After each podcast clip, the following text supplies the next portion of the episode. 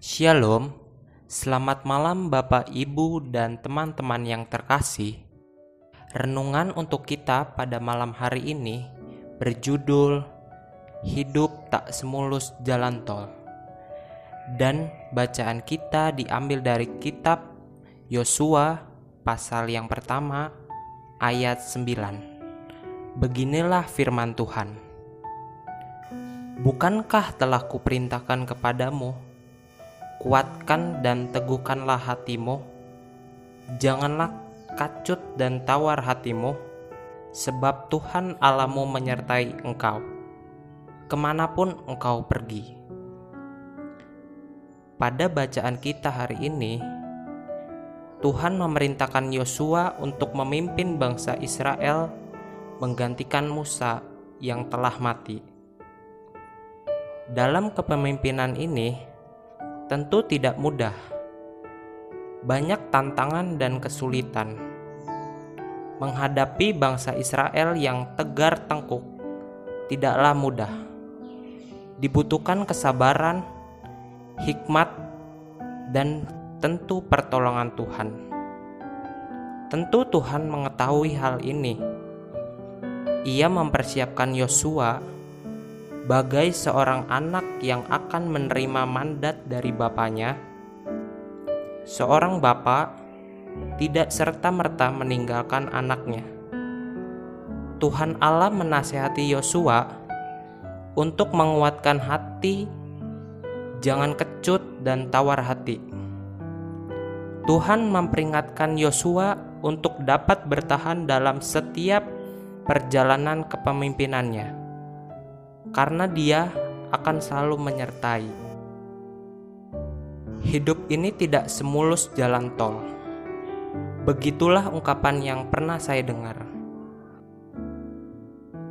Ungkapan itu menggambarkan bagaimana hidup tidak hanya dipenuhi kebahagiaan.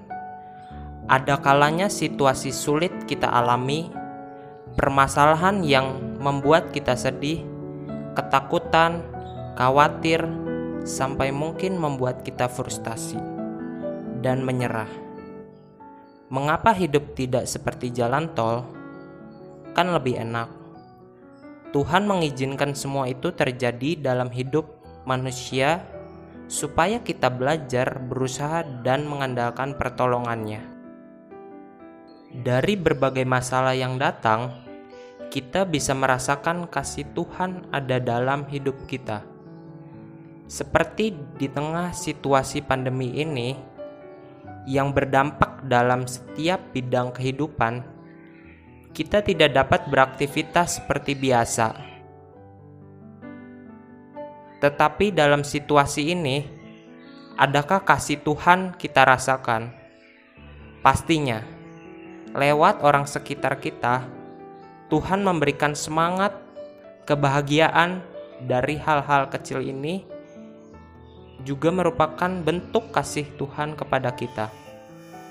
Seperti janji Tuhan terhadap Yosua, Tuhan akan menyertai dalam setiap perjalanan hidup kita, mendampingi kita menghadapi setiap tantangan kehidupan. Hanya kita mau atau tidak untuk terus bertahan, bersungguh-sungguh, dan mengandalkannya dalam setiap situasi sampai kita menyelesaikan tugas tanggung jawab kita di dunia. Demikianlah renungan pada malam hari ini. Semoga damai sejahtera dari Tuhan Yesus Kristus tetap memenuhi hati dan pikiran kita. Amin. Bapak, Ibu, dan teman-teman yang terkasih, mari kita bersatu hati menaikkan pokok-pokok doa yang ada di dalam gerakan doa 37 STAK Marturia Yogyakarta. Mari kita berdoa.